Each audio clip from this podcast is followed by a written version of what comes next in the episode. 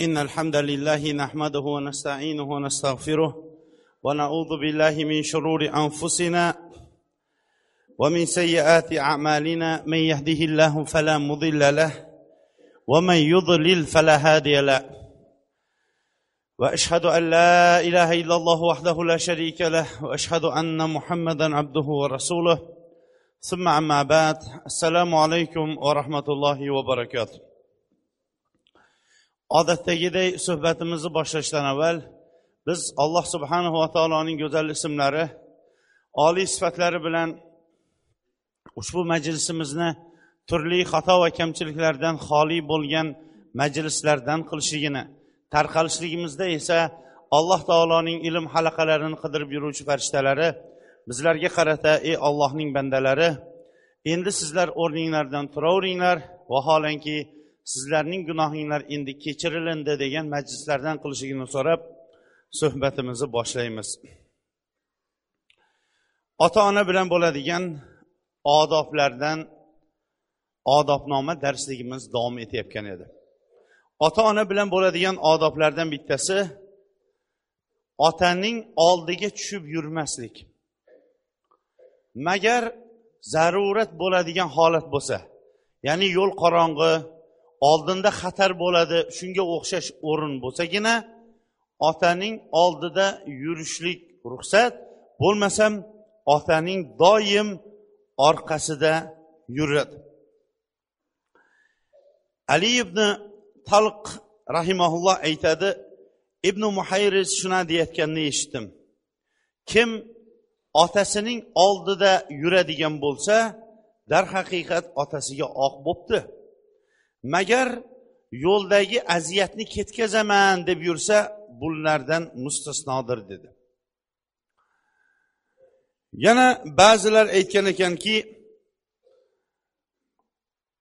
ota onaga yaxshilik qilishlikdandir ota onaning oldidan yurmaslik. Magar zarar bo'ladigan bo'lsa o'zi oldinda zararni daf qilish uchungina yurishlik bu farzandning ota onaga qiladigan yaxshiligidir. Zarr ibn amr umar bin zar ota onasiga nihoyatda yaxshilik qiladigan kishilardan edi. Farzandi olamdan o'tgandan keyin otasidan avval otasi umar bin zar allohga duo qildi. Ey olloh farzandimni gunohlarini kech. Mening haqqimni to'liq ado qildi. Uni kechir. Sen tomondan qilgan ya'ni senga qilgan kamchiliklarini o'zing kechir. Shunda u kishiga duosidan keyin so'raldi. Sizni qanaqa qilib roziligingizni oldi deganda rozilikni olgan o'rinlari ko'p bo'ldi. O'shalardan hayoti davomida biron bir marta mening oldimga chiqib yurib ketmagan ekan degan ekan.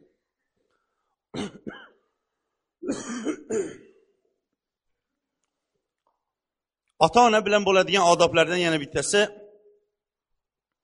ota ona rohatlanadigan o'rinlar vaqtlar va nima narsa bilan ota ona rohatlanadigan bo'lsa o'shani topib uning rohatini topishlikdir. Ummu misar kechasi chanqadi.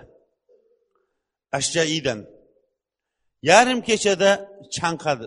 Uyda suv yo'q. Darrov ashjai rahimaulloh o'rnidan turdida uzoqdagi quduqdan darrov suv olib keldi va boshida o'tirdi. Yana ertalabgacha chanqab turib qoladigan bo'lsa onamni suv bilan sug'oraman deb. Mana bu salafi solihlarning ota onalariga qilgan yaxshiliklari mana shunday edi. Nima narsa ularga rohat yaxshilik bo'ladigan bo'lsa darrov o'shani qilishardi.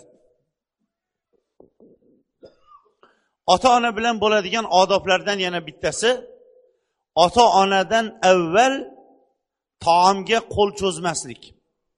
Bu odat allohga hamdlar bo'lsin bizni yurtlarda ko'p odatlangan odatlardan bittasi hisoblanadi. Zaynul abidin bin husayn roziyallohu anhuma onasiga ko'p yaxshilik qiladigan insonlardan edi. Hatto u kishiga aytilingan siz onangizga eng yaxshilik qiladigan odamlardansiz. Lekin nima uchun onangiz bilan birga bir laganda birga ovqat yemaysiz deb so'raganda u kishi aytgan ekan ovqat yeb turgan vaqtimizda onam xohlagan luqmani men yeb qo'yishligimdan qo'rqib onam bilan birga taom yemayman degan ekanlar. Shunchalik darajada ular otalari onalari uchun hatto jonlari o'zilari yaxshi ko'rgan narsalarni ham fido qiladigan fido qilishlikka ham tayyor bo'lgan insonlardan edi.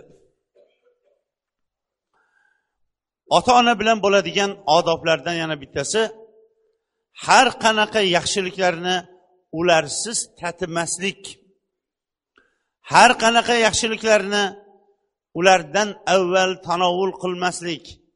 Hamma yaxshiliklarga ularni sherik qilishlikdir. Kahmas bin hasan rahimaulloh har kuni ishda işte ishlardi. Va har kuni ikki tanga pulga onasi uchun meva olib borardi. Ota onalar bilan bo'ladigan odoblardan yana bittasi ota onaning ruxsatisiz safar qilmaslik. Ota onaning ruxsatidan keyin safar qilishlik. Abu saidin hudriy roziyallohu anhu aytadi rasululloh sollallohu alayhi vasallamga yaman diyoridan yamandan bir kishi keldi. Rasululloh sollallohu alayhi vasallam ota onangiz bormi qayerdansiz dedi. Yaman shahridanman dedi. Yamanda kimlaringiz bor? deganda ota onam bor dedi. Ba'zi bir rivoyatlarda ularni qana holatda tashlab keldingiz dedi. Yig'lagan holatda tashlab keldim dedi. Boring ularni qanday yig'latgan bo'lsangiz xuddi shunday kuldiring dedi. Ularga qayting izn so'rang. Ular bilan xizmatini qiling jannat ular bilan birgadir dedi.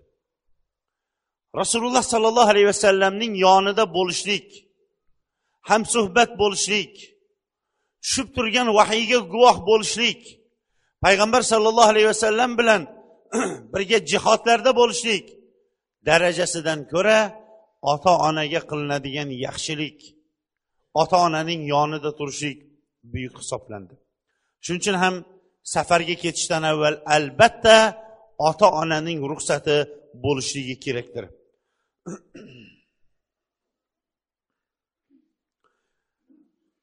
Ota ona bilan ota ona bilan bo'ladigan odoblardan yana bittasi ularni g'azablantirib qo'ymaslik. Yoyinki ota onaning g'azabiga sabab bo'lib qolmaslikdir. Imom mujohid rahimaulloh aytadiki ota onaning duosi pardasiz qabul bo'ladi degan ekanlar. Ibn masud roziyallohu anhu aytadi uch kishining duosi shubhasiz qabul bo'ladi. O'shalardan bittasi otaning mazlumning musofirning. Bunga dalil abu hurayra roziyallohu anhu rivoyat qilgan hadisda rasululloh sollallohu alayhi vasallam shubhasiz uch kishining duosi mustajobdir. Mazlum kishining duosi musofirning duosi ota onaning farzandga qilgan duosi. Shuning uchun ham farzand doim ota onaga yaxshilik qilishligi g'azablantirib duoibat olib qolishligidan ehtiyot bo'lmoqlik kerakdir. Banu isroilda jurayj degan obid zohid kishi o'tdi. Bu kishi banu isroildagi obid insonlardan edi ibodatxonasidan chiqmasdi. Shu bilan bir qatorda zohid dunyodan yuz o'girgan kishilardan edi. Bir kuni onasi kelib qoldida jurayj deb chaqirdi. Jurayj deb chaqirdi. Jurayj namoz o'qib turardi. O'z nafsida namozimni davom ettirsammi yo onamga ijobat qilsammi dedida namozini davom ettiray keyin onamning oldiga chiqaman dedi. Namoz o'qiyverdi ona jurayj jurayj jurayj deb ikki uch marta chaqirdi. Jurayj ijobat qilmagandan keyin onasi achchiqlandida unga duoibat qildi. Senga bir tuhmat yomonlik balosi yog'maguncha olamdan o'tma dedi. Dedida qaytib ketib qoldi. Shu qishloqda bir podachining podachidan bir buzuq ayol podachidan bola tug'di. Zino bilan. Odamlar bu ayoldan otasi kim deb so'rashdi? Ayol to'xtamay ikkilanmay jurayjdan dedi. Odamlarning barchasi yig'ilib kelib biz bu kishini bir obid zohid desak qip qizil muttaham buzuq odam ekanu deb turib odamlar uni o'zini do'pposlab urishdi ibodatxonasini buzib tashladi. O'zini bo'lsa bo'yniga arqon solib odamlar oldiga tortib keldi. Podshoh hukm chiqarishlik uchun uning oldiga chiqdi. Jurayj kulib turardi. Nimaga kulyapsiz deganda bu onamning menga qilgan duoibati sababli bo'ldi dedi. Podsho aytdiki bu ayol nima deyapti deganda bu davo qilyaptiki mendan farzand tuqqanini. Tug'ilingan kichkina bolani olib kelinglar dedi. Bolani olib kelishdi. Undan jurayj so'radi otang kim deganda falonchi faloncha podachi mol boqar dedi podshoh aytdiki odamlarga qarab turib qaytinglar darrov jurayjning ibodatxonasini qaytadan tiklab beringlar. Qanday bo'lsa ana shunday dedi. Va jurayj bu onamning menga qilgan duoibat sababli topgan narsam mana shu bo'ldi deb voqeani aytib berdi. Shuning uchun ham farzandlar doim ota onaning duoibatidan ehtiyot bo'lmoqlik kerakdir. Mana bu ota ona tiriklik vaqtida qiladigan odoblaridir. Ammo ota ona olamdan o'tgandan keyingi qiladigan odobi ota onaning haqqiga doim duo qilishlik. Alloh subhanava taoloning o'zi bizlarga ota onaning haqqiga qanday duo qilishligimizni o'rgatib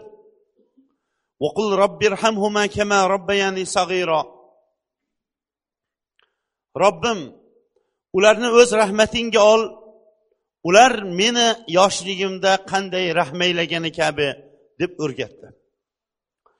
Abu hurayra roziyallohu anhudan rivoyat qilingan hadisda rasululloh sollallohu alayhi vasallam agar odam farzandi olamdan o'tadigan bo'lsa uning uchta amalidan boshqa amallari to'xtab qoladi. Yurib turgan sadaqa tashlab ketgan bo'lsa yoyinki foydalanib turiladigan ilm tashlab ketgan bo'lsa yoyinki ortidan duo qiladigan solih farzand tashlab ketgan bo'lsa dedi. Ortidan duo qiladigan solih farzand tashlab ketgan bo'lsa degani besh vaqt namoz o'qiydigan odam solih farzand hisoblanadi. Otasining yo onasining o'lgan kunida yilda bir marta ehson berib xatm qur'on qildirgan bola solih farzand hisoblanmaydi. Besh vaqt namoz o'qiydigan odam qur'on hadis oyatlarini umumiy qaralganda solih degan inson bu gunohlardan chetlangan allohning toatida bo'lgan inson solih deyiladi. Mana shu inson ning duosi ota onasiga qilgan duosi davomiy ravishda davom etib turadi. Yana abu hurayra roziyallohu anhudan rasululloh sollallohu alayhi vasallam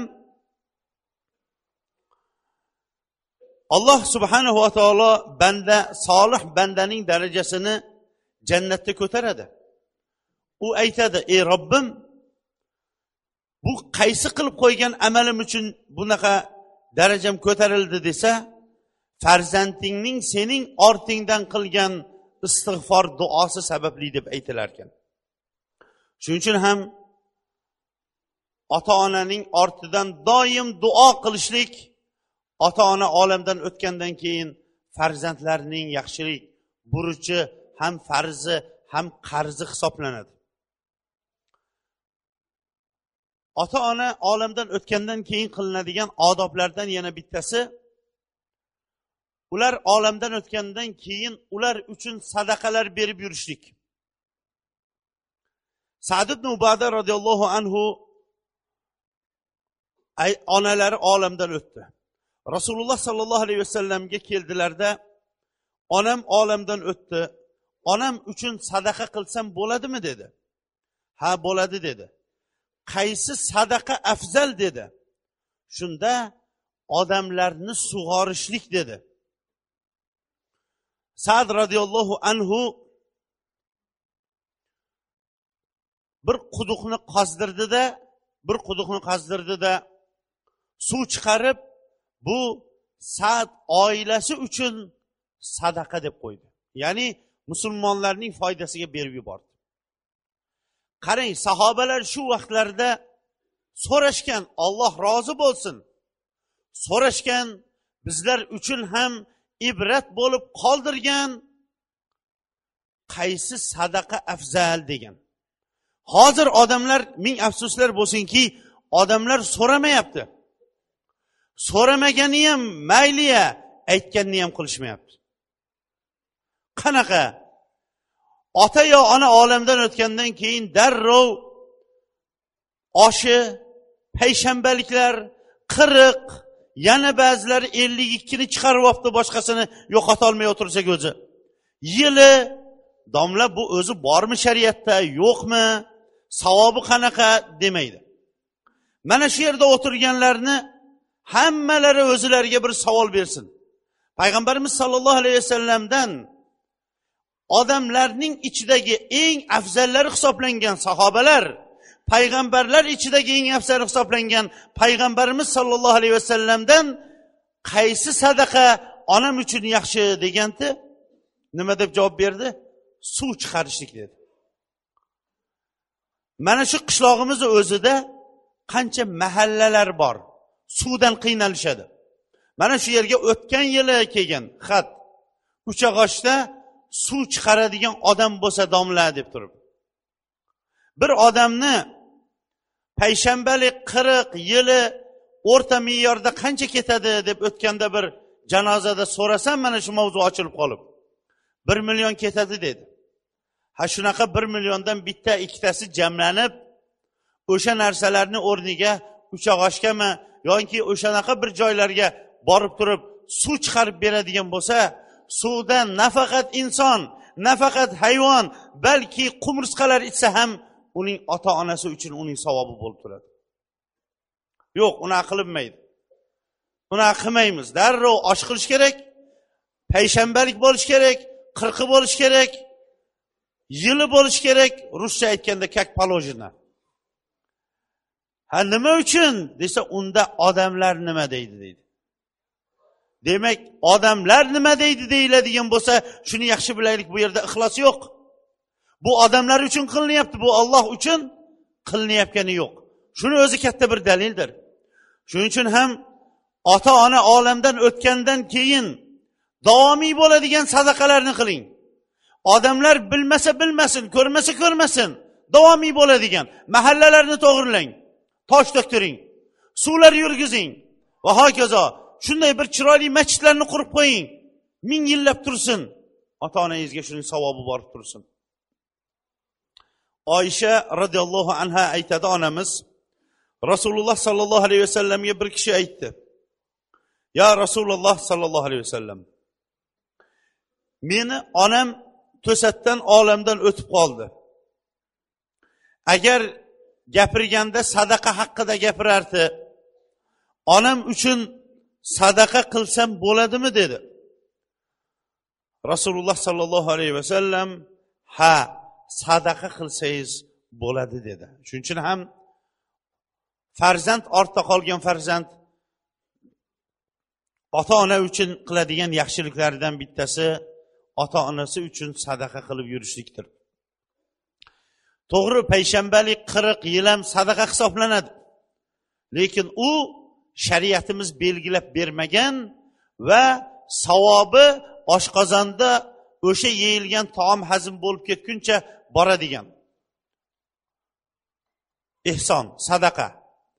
Ikkinchisi bo'lsa ikkinchidan bo'lsa hamma osh payshanba qirq qilishlik bilan o'shani berishlikka qodir bo'lmaganlari majbur bo'ladi. Hamma qilyaptiyu endi. Nima deymiz endi? Qilmasak bo'lmaydi. Hamma qilyaptiyu hamma qilyaptiyu deb bu balog'atga yetmagan yetimlar ham qiladigan bo'ldi. Hammasi hamma qilyapti ko'r ko'rona hamma qilyapti deb turib. Lekin afsuski hamma dollar ko'tarilib ketsa dollarni olavermas ekan. Hamma olyaptiyu deb turib olavermaydi hech kim. Yoki ertaga bunaqa bo'lib ketadi desa dunyoviy ishni go'sht ko'tarilyapti ekan bugun go'shtingizni bering desa hech kim go'shtini nima qilmaydi? Yana o'n tanga qo'shar bir ikki kun sabr qilamiz deyishadi.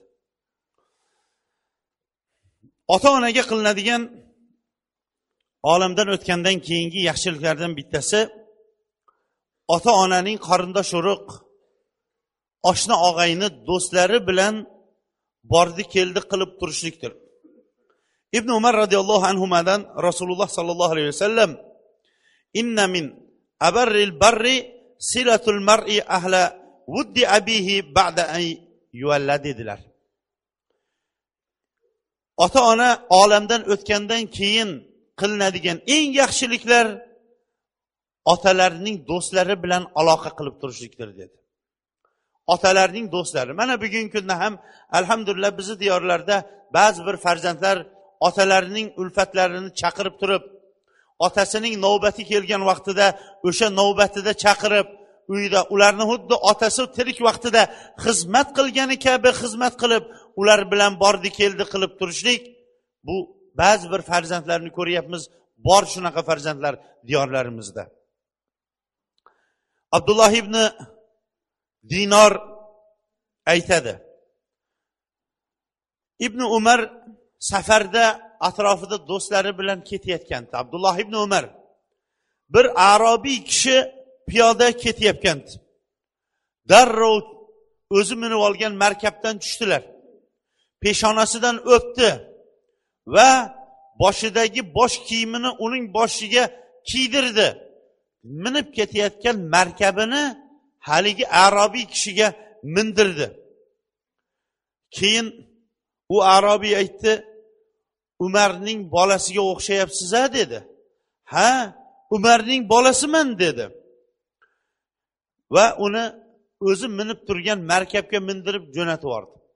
Atrofda turgan shogirdlar aytdi bu arobiyga bunchalik iltifot ko'rsatdingiz bu kishi kim bo'ladi deganda otam umarning do'sti edi bu kishi dedi. Shunchalik darajada otalarining do'stlari bilan aloqada turgan ekanlar. Ho'p darsimizni mana shu yergacha to'xtatib turamizda inshaalloh kelgusi jumada mana shu yerdan olloh nasib etsa ota onaga olamdan o'tgandan keyingi yaxshiliklar va ota onaga olloh saqlasin oq bo'lish haqida ham to'xtab o'tamiz. Bu yerda mana oxirgi daqiqalarda oxirgi savol bor ekan. Kelayotgan kun qaysi kun? Dushanbami? Ertagami o'n uchi uni bilmaymiz ham bizda bilmasin ham ilohim lekin qo'shni qishloqlarda bilib buni asorati bizga o'tadigan deb o'ylaymiz. Valentin kuni ekan. o'n uchi deb aytishyapti hozir agar shuni qilsak. Bu eng fasod buzg'unchilik bo'lgan kuni shuni yaxshi bilaylik. Va eng katta dayuslik kuni bu kun. Eng katta xiyonat kuni bu kun. Shuning uchun ham agar kimda shu illat bo'lib qolgan bo'lsa shu yerda tavba qilsin to'xtasin. To'xtatsin bunaqa gunoh ishlarni bu kunlarda o'shanga oid bo'lgan savdo sotiqni qilishlik ham mumkin emas. O'shanga oid bo'lgan xizmatlarni taksistlar qilishligi ham haydovchilar qilishligi ham mumkin emas. O'shanga oid bo'lgan aloqalarni qilishligi ham mumkin emas. Va u ishni qilishlikning o'zi bo'lsa katta bir gunohdir. Shuni yaxshi bilaylikki xosatan yoshlarga buni aytardiki bizga alloh taolo shunday bir vaqtni shunday keng siyosatni shunday ko'p ne'matlarni berdiki bu berilingan ne'matlar bizning ota bobolarimizning yig'lab turib qilgan duolarining natijasida bo'ldi. Yig'lab turib qiyinchilik mashaqqat qatag'on yillari bilan olgan bu kengchiligini biz gunoh bilan yuvib ketkazib yubormaylik. Imom ahmad ibn hambal o'zining musnadida qubrus shahrining fath qilinganligini aytadi. Qubrus shahri rim imperiyasining partoviy bo'lgan shahri hisoblanadi. Eng boy badavlat hamma davlatlarning qayiqlari shu yerga keladi. Xalqi bo'lsa boy bo'lib yashagan. Usmon roziyallohu anhu davrida qubrus shahri musulmonlar qo'lida fath qilindi. Musulmonlar quvonishib hammalari bir birlarini quchoqlab bir birlarini tabriklab bu shahar buyuk shahar musulmonlar qo'liga o'tgani bilan fath qilinganligi bilan bir birlarini tabriklab tursa abu dardo roziyallohu anhu bir chekkada yig'lab o'tirardi. Shunda shu yerdagi ba'zi bir tobiinlar u kishining oldiga borib ey abu dardo olloh islom va musulmonlarni aziz qilganda kufr va shirkni xor qilganda hamma quvonib turganda yig'lab turganingiz nimasi bu? dedi. Shuna deganda meni yig'lab turganim boisim dedi. Ollohga osiy bo'lgan xalqlar agarchi har qanaqa ne'matlarga g'arq bo'lgan bo'lsa ham ne'matlar toshib yotgan bo'lsa ham oqib yotgan toshib oqib yotgan bo'lsa ham lekin o'zi ollohga osiy bo'ladigan bo'lsa o'zi quvvatli bo'lsa ham lekin ollohga oson ekan bir kunning o'zida ahlini xor ba'zilarini asir ba'zilarini o'ltirib ne'matlarini boshqaga berib yuborish ollohga oson ekanligini ko'rib yig'lab turibman degan ekan. Qachon jamiyatimizda biron bir gunoh aytilinadigan bo'lsa abu dardo roziyallohu anhuning mana shu gapi esimga tushib ketaveradi. Shuning uchun ham mana bu ne'matlar bu keng siyosat yengilchilik bularning barchasini biz to'qlikka sho'xlik qilib turib olloh va rasuli harom qilgan bu ummat u narsani tanimagan xalqimizning odati bo'lmagan bunaqangi gunohlarni kirgizmaylik. Nafratlanaylik chiqarib yuboraylik. Kim shu ishni qilayotgan bo'lsa hammamiz ham shunga jazo bermaydigan eslatmaydigan bo'ladigan bo'lsak ertaga o'shalar qilayotgan gunoh sababli ofat balo hammamizga bir xil keladi. O'sha baloni qilgan gunohni qilgan odamni uyiga kelmaydi. Hammaning uyiga bob barobariga keladi. Alloh subhanava taolo bizni tinchligimizni bunday siyosatni va bunday bir ne'matlarni alloh taolo bardavom qilsin. Ichimizdagi ojiz gunohkorlar sababli ne'matlarini bizdan olib qo'ymasin. Duo qilaylik. Amin. Alhamdulillah. Vassalotu vassalomu ala rasulilloh ey robbim sening go'zal ismlaring oliy sifatlaring bilan so'raymiz. Bizlarning qilayotgan duolarimizni ibodatlarimizni o'z dargohingda qabul qil. Bilib bilmay qilgan xato kamchiliklarimizni gunohlarimizni o'zing mag'firat qil. Ey robbim xonadonlarimizdan iymon va amali solih bilan o'tgan ajdodlarimizni o'z rahmatingga ol. Yotgan joylarini jannat bog'chalaridan bir bog'chaga aylantir. Ota onalarimizdan rozi bo'l va ularni o'zing rozi qil. Farzandlarimizga insofu tavfiq ber. O'zingning toatingda islom va musulmonlarni xizmatida ko'rganimizda ko'zimizning quvonchi bo'ladigan solih va solihat zurriyotlardan qil. Ilohim barcha barcha bemorlarimizning dardlariga o'zing shifo ber. Bemorlarimizning dardlariga o'zing shifo ber. Tezroq sog'ayib saflarimizga qo'shilib ketishlikka o'zing tavfiq ber. Ilohim bu oila qurmoqchi bo'layotgan mana akalarimiz bor ekan ukalarimiz bor ekan. Ilohim o'zlari o'ylagan joydan ham ortiqroq joylardan quda bo'lishlikni o'zing nasib et. Qizlarini ham berayotgan bermoqchi bo'lganlarga o'zlari o'ylagan joylardan ortiqroq joylardan sovchi bo'lishlariga o'zing nasib et. Ilohim farzand ko'rmayotganlarga o'zlari o'ylagandan ham ortiqroq salohiyatli farzandlar ber. Notinch bo'lib turgan uylarga tinchlik xotirjamlik barcha kasbkorlarimizning kasbkoriga barakot ato et. Musofirlarimizning safarlarini bexatar qil iymon amali solih bilan olib oldirmay qaytib kelishlariga o'zing nasib et. Qarzdorlarimizning qarzlarini ilohim o'zing o'tashlikka yordam ber. O'zingga ko'targan qo'llarimizni o'zingdan o'zgaga muhtoj qilib qo'yma. Ilohim biz bilmadik lekin o'zing bilasan. Mana bu yerda minglagan qo'llar o'zingga. Biz aytganu aytmagan hojatlari bilan biz bilmagan orzu umidlari bilan ko'tarib turibdi. Ularning barchalarining orzu umidlarini amalga oshir yaxshiliklarini to'ldir. Ilohim jumaga safga birinchi kelganlarimizning qadamlarini sobit qadam qil. Ularni kelajakda besh vaqt namozda polvon bo'ladigan o'zing yaxshi ko'radigan bandalaringdan qil. Payg'ambarimiz sollallohu alayhi vasallam sendan nima yaxshiliklarni so'ragan bo'lsa o'sha yaxshiliklarni so'raymiz. Nimaiki yomonliklardan panoh tilagan bo'lsa o'sha yomonliklardan panoh so'raymiz.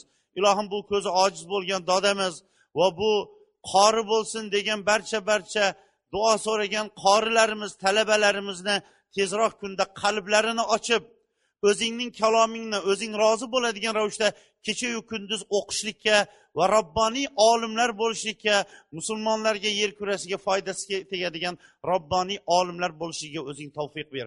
Va sallallohu ala nabiyina muhammad